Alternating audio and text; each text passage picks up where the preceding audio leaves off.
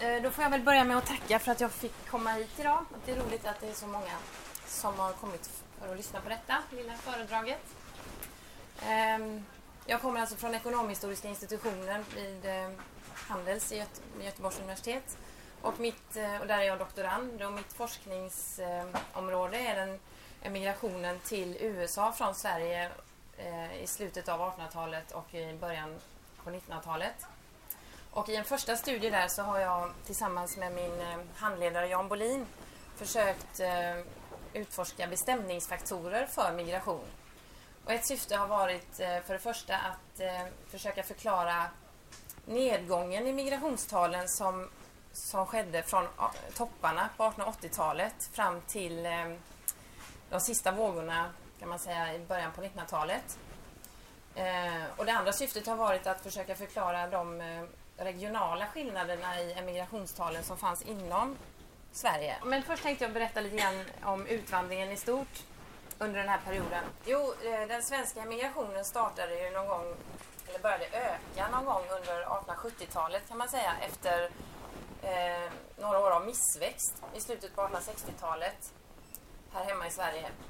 Och mellan 1870 och eh, fram till första världskrigets utbrott så emigrerade ungefär ja, över en dryg miljon svenskar till i första hand USA och Nordamerika och en del eh, åkte också till andra ställen som Sydamerika och Australien.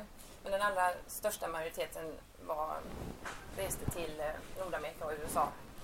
Och i första hand så rörde det sig om eh, eh, ensamstående unga vuxna som reste. Och i och med att det var i princip en femtedel av landets befolkning som reste så var det en väldigt stor grupp av den arbetsföra befolkningen som faktiskt försvann från landet. 70 procent eh, av emigranterna under den här perioden var mellan 15 och 35 år.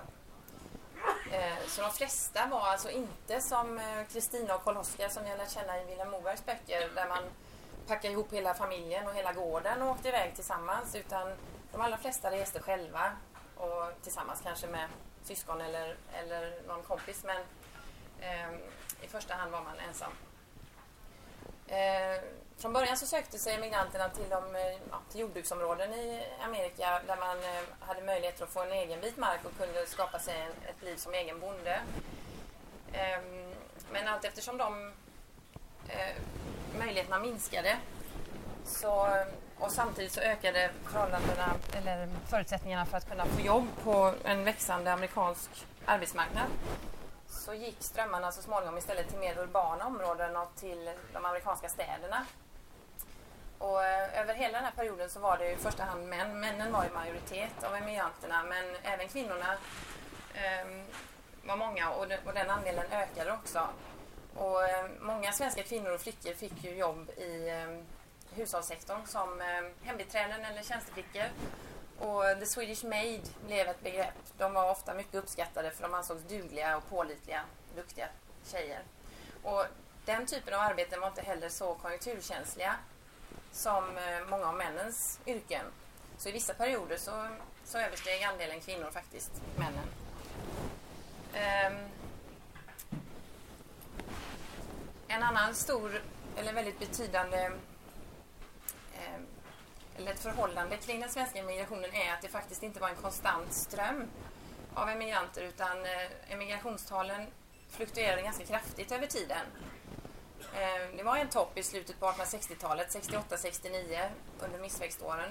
Sen gick emigrationstalen ner och var ganska låga under 1870-talet.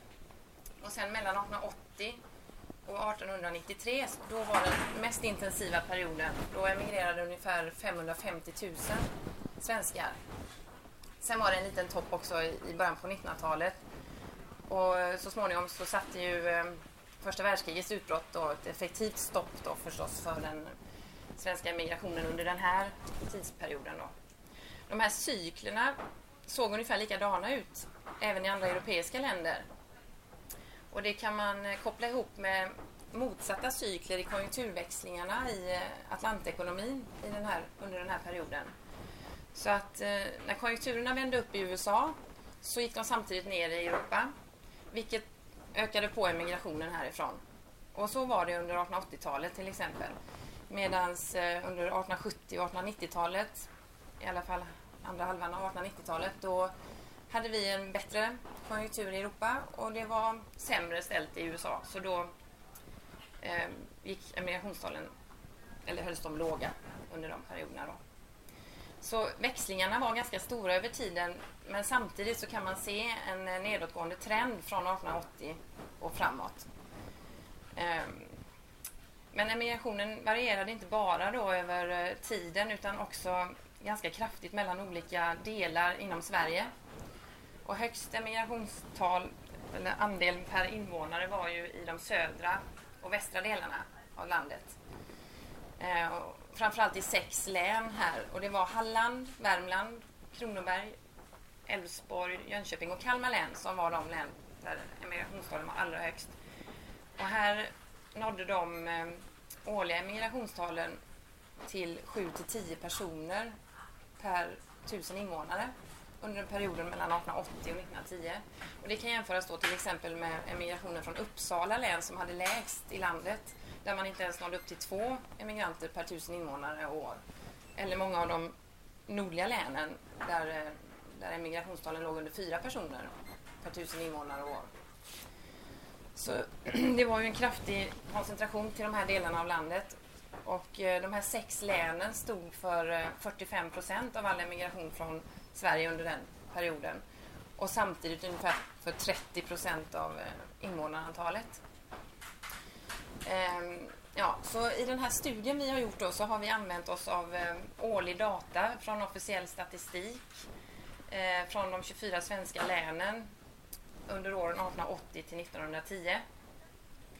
Och för att kunna då undersöka eller försöka förklara den här nedåtgående trenden i migrationstalen och de regionala skillnaderna så har vi eh, konstruerat ett datasätt med ett antal variabler då, som vi sedan har testat med olika regressionsanalyser. Och, eh, variablerna kan man dela in i, i olika grupper.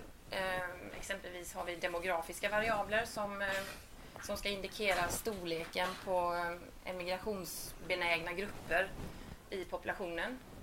Och så har vi också eh, ekonomiska variabler som eh, ska visa på eh, ökade försörjningsmöjligheter eller utvecklingen av inkomsten och levnadsstandarden och så. Och jag ska inte gå in på alla de här variablerna, det, tar, det blir alldeles för krångligt. Men jag kan ta upp några. Och en demografisk variabel är till exempel födelsetalen 20 år bakåt i tiden. Så att höga födelsetal ett år skulle då i så fall innebära höga migrationstal 20 år senare. Eh, likaså befolkningstryck, befolkningstäthet eh, skulle kunna indikera en högre migration eftersom det påverkar möjligheten till, eh, till att få försörjning här hemma. Så eh, ökad befolkningstäthet skulle tyda på ökad emigrations, en ökad emigrationsandel. Då. Och sen har vi också andra variabler som kan eh, spegla efterfrågan på arbetskraft, till exempel den ökade avkastningen i jordbruksproduktionen under den här tiden som vi har delat upp i spannmålsproduktion och animalieproduktion. Och an animalieproduktionen framförallt ökade mycket kraftigt eh, under de här åren och gav många bönder en ökad lönsamhet också vilket skulle kunna ha gett fler arbetstillfällen helt enkelt. Mycket beroende på att animalieproduktion i sig inte är så säsongsbetonad som, som spannmålsproduktionen är. Då. Eh, så att en ökad animalieproduktion skulle i så fall hålla nere antalet emigranter. Ja, och sen har vi faktorer då som eh, skulle kunna spegla inkomstökning och, ehm, och ökad, eller förändring av levnadsstandard och så vidare. Då. Och det är ju framförallt, ja, vilket i sig kanske är en, ett av de viktigaste incitamenten för att överhuvudtaget fundera på att flytta såklart. Och, um, den första av de variablerna är då löneskillnaden, eller reallöneskillnaden mellan USA och, ehm, och Sverige. Så ehm, ett större lönegap mellan amerikanska och svenska löner skulle då göra att folk hade en större anledning att flytta. Och tvärtom då. Ju lägre gapet var desto, desto mindre benägenhet. För ett gap var det hela tiden även om det krympte över tiden. Och eh, ja, eh, den här variabeln som vi eh, skulle säga kan spegla en förändring av levnadsstandarden och så, det är andelen invånare som var beroende av fattigvård. Eh, en hög sån andel skulle kunna tyda på att det var tuffa villkor på, på landsbygden och eh, i så fall skulle öka emigrationstrycket därifrån. Och sen så har vi till slut en variabel som skulle kunna spegla påverkan av tidigare migration. Det var ju väldigt många som fick eh, både pengar och biljetter betalda av, av släktingar och vänner som redan hade emigrerat. Och detta då skulle ju kunna innebära att emigrationen ökade såklart eh, i de områden som hade en sån stark emigrationstradition då. Ja, och vad har vi då kommit fram till i den här studien? Så eh, den här långsiktiga minskningen i emigrationstalen visar sig kunna förklaras i första hand av ekonomiska variabler. Eh, alltså ökade försörjningsmöjligheter och en bättre levnadsstandard helt enkelt här hemma. Eh, ett bättre liv på landsbygden med, med eh, färre som var beroende av eh, fattigvård och eh, ökade svenska löner i förhållande till de amerikanska gjorde det inte lika attraktivt att flytta längre 1910 än som det hade varit 1880 då. Men eh, de här, de här faktorerna såg likadana ut över hela Sverige. Det påverkade regionerna på samma sätt så att det kan inte förklara de regionala skillnaderna i Sverige som ändå var så stora. Utan där har vi konstaterat att det i första hand eh, var demografiska faktorer som spelade in. Alltså olika demografiska mönster helt enkelt i olika landsändar vilket i sin tur eh, skulle kunna kopplas ihop med hur eh, jordfördelningen har sett ut i olika delar av Sverige.